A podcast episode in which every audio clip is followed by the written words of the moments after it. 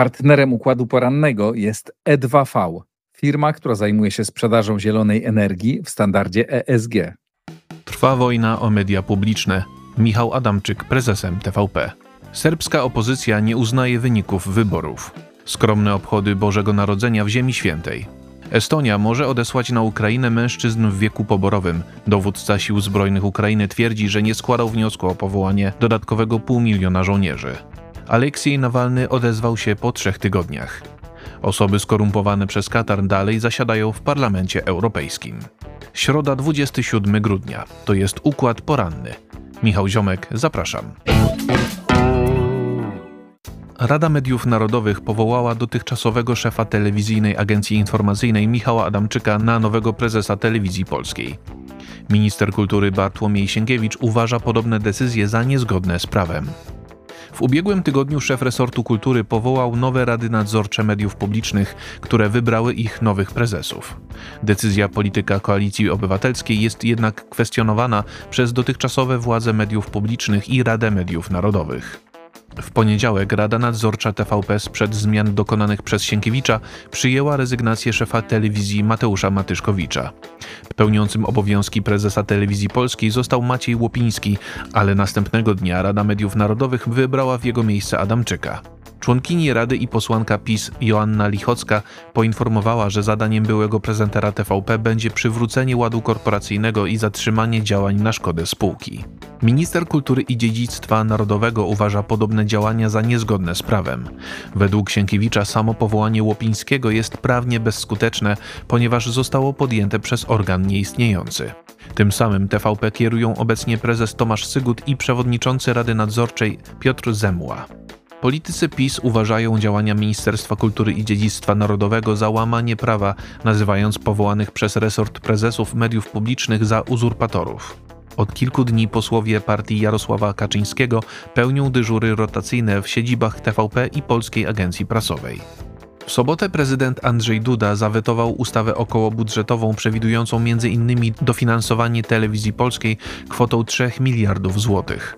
Zdaniem głowy państwa nie może być na to zgody wobec rażącego łamania konstytucji i zasad demokratycznego państwa prawa. Duda ma więc ogłosić swój własny projekt w sprawie podwyżek dla nauczycieli oraz innych wydatków planowanych w ustawie. Opozycyjna koalicja Serbia przeciwko przemocy zarzuca władzom sfałszowanie wyborów parlamentarnych i samorządowych. W poniedziałek zorganizowana przez nią demonstracja zakończyła się starciami z policją i szturmem na budynek Rady Miejskiej Belgradu. Przedterminowe wybory z 17 grudnia wygrała koalicja Serbia nie może się zatrzymać, skupiona wokół prezydenta Aleksandra Vučića. Według sojuszu opozycji w ich trakcie doszło do wielu fałszerstw i manipulacji, zwłaszcza w przypadku wyborów do Zgromadzenia Belgradu. W stolicy miało zagłosować nawet kilkadziesiąt tysięcy osób przywiezionych z innych miast. Jak na razie największe protesty miały miejsce w niedzielę. Kilka tysięcy osób przeszło pod budynek ratusza w Belgradzie, a najbardziej krewcy demonstranci próbowali wedrzeć się do środka. Łącznie zatrzymanych przez policję zostało 38 osób. Następnego dnia zwolennicy Serbii przeciwko przemocy zgromadzili się pod komendą policji, domagając się uwolnienia aresztowanych. W ramach solidarności z ludnością strefy gazy atakowaną przez Izrael, tegoroczne obchody Bożego Narodzenia w Ziemi Świętej były wyjątkowo skromne. Palestyński Hamas pochwalił z tego powodu miejscowych chrześcijan. Władze Betlejem i chrześcijańscy hierarchowie już kilka tygodni temu zadecydowali o odwołaniu niektórych uroczystości towarzyszących świętom Bożego Narodzenia. Pierwszy raz od 1948 roku i zniszczenia przez Izraelczyków blisko 200 palestyńskich miejscowości na choinkach nie pojawiały się świąteczne światła. W Wigilię Bożego Narodzenia w Bazylice Narodzenia Pańskiego w Betlejem odbyła się tradycyjna msza święta, między innymi z udziałem papieskiego jałmużnika kardynała Konrada Krajewskiego. W jej trakcie łaciński patriarcha Jerozolimy Pier Battista Pizzaballa wyraził solidarność z chrześcijanami przebywającymi w bombardowanej strefie gazy. Postawę chrześcijan w Ziemi Świętej w swoim oświadczeniu pochwalił Hamas. Palestyńskie ugrupowanie uznało ograniczenie obchodów świąt Bożego Narodzenia za wyraz zjednoczenia chrześcijan i muzułmanów w obronie swoich tradycji. W niedzielę izraelskie lotnictwo przeprowadziło nalot na obóz dla uchodźców w Magazji w środkowej Gazie. Według Ministerstwa Zdrowia Autonomii Palestyńskiej zginęło w nim co najmniej 100 osób. Estonia jest gotowa pomóc Ukrainie w mobilizacji mężczyzn w wieku poborowym przebywających obecnie na jej terytorium. Głównodowodzący sił zbrojnych Ukrainy, generał Walerii Załużny, zaprzeczył słowom prezydenta Wołodymyra Załęskiego, według którego armia chce powołać dodatkowe pół miliona żołnierzy. Estoński minister spraw wewnętrznych Lauri Lanemec powiedział, że jego kraj może pomóc Ukrainie w pozyskaniu nowych rekrutów. Na terenie Estonii ma przebywać obecnie około 7,5 tysiąca Ukraińców w wieku poborowym, dlatego jest ona gotowa podpisać z Ukrainą odpowiednie porozumienie dotyczące ich odesłania do ojczyzny. Zgodnie z prawem międzynarodowym władze w Kijowie nie mogą powołać pod broń Ukraińców przebywających w Estonii, ale sytuację może zmienić zawarcie porozumienia z Stalinem. Za podobnym rozwiązaniem opowiadają się politycy niemieckiej Unii Chrześcijańsko-Demokratycznej. Domagają się oni obniżenia świadczeń socjalnych dla przebywających w Niemczech blisko 200 tysięcy Ukraińców w wieku poborowym, aby zachęcić ich do powrotu do ojczyzny i do wstępowania do armii. Takiemu rozwiązaniu sprzeciwia się federalny minister sprawiedliwości Marko Bushman, który wykluczył możliwość zmuszania ukraińskich mężczyzn do walki. W ubiegłym tygodniu na temat możliwej mobilizacji kolejnych żołnierzy mówił prezydent Ukrainy. Zełenski stwierdził wówczas, że wojsko chciałoby pozyskać kolejne pół miliona rekrutów. Jego słowom zaprzeczył naczelny dowódca sił zbrojnych Ukrainy. Według założnego wojsko nie występowało z podobnym wnioskiem, a on sam nigdy nie ujawniłby żadnej konkretnej liczby.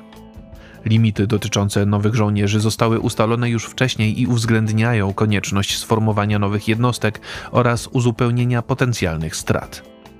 W trakcie swojej pierwszej konferencji prasowej od czasu wybuchu wojny Załużny skrytykował zarazem działalność wojskowych punktów poborowych. Aleksiej Nawalny skontaktował się ze swoimi zwolennikami po blisko trzech tygodniach przerwy. Rosyjski opozycjonista został w tym czasie przeniesiony do kolonii karnej znajdującej się w Arktyce. Na początku grudnia współpracownicy Nawalnego poinformowali, że nie mają z nim kontaktu i nie wiedzą, gdzie się dokładnie znajduje. Wcześniej z powodu rzekomych problemów z połączeniem nie wziął udziału w posiedzeniu sądu, dlatego pojawiły się obawy o jego bezpieczeństwo. Wczoraj Nawalny po raz pierwszy od trzech tygodni nawiązał kontakt ze swoimi zwolennikami. Na swoim koncie na platformie społecznościowej X opisał swoje przeniesienie z kolonii karnej znajdującej się w obwodzie włodzimierskim, znajdującym się na północny wschód od Moskwy. Ostatecznie jeden z liderów rosyjskiej opozycji został przetransportowany do placówki o zaostrzonym rygorze we wsi Harp w rejonie Arktyki. Nawalny podkreślił, że ostatnie 20 dni były dla niego męczące, ale ogólnie znajduje się w dobrej kondycji. Był ponadto zdziwiony odwiedzinami swojego prawnika, który w poniedziałek przyjechał do azjatyckiej części Rosji. The Moscow Times przypomina, że Nawalny ma odbyć w Harpie karę 19 lat więzienia o zaostrzonym rygorze za działalność ekstremistyczną. Opozycjonista wraz ze swoimi zwolennikami uważa zasądzony wyrok za motywowany politycznie. Portal Politico ujawnił, że kilka osób przewijających się w aferze Qatargate wciąż pracuje w Parlamencie Europejskim. Przed rokiem aresztowano dwóch byłych europosłów podejrzewanych o przyjmowanie korzyści majątkowych w zamian za lobbowanie na rzecz Kataru i innych państw arabskich. Dziennikarze Politico przeprowadzili specjalne śledztwo na podstawie dokumentów, które otrzymali od swoich źródeł w belgijskiej policji. Wynika z nich, że w Europarlamencie zasiada sześciu europosłów mających związek z aferą korupcyjną, a także pracuje dla niego jeden z urzędników.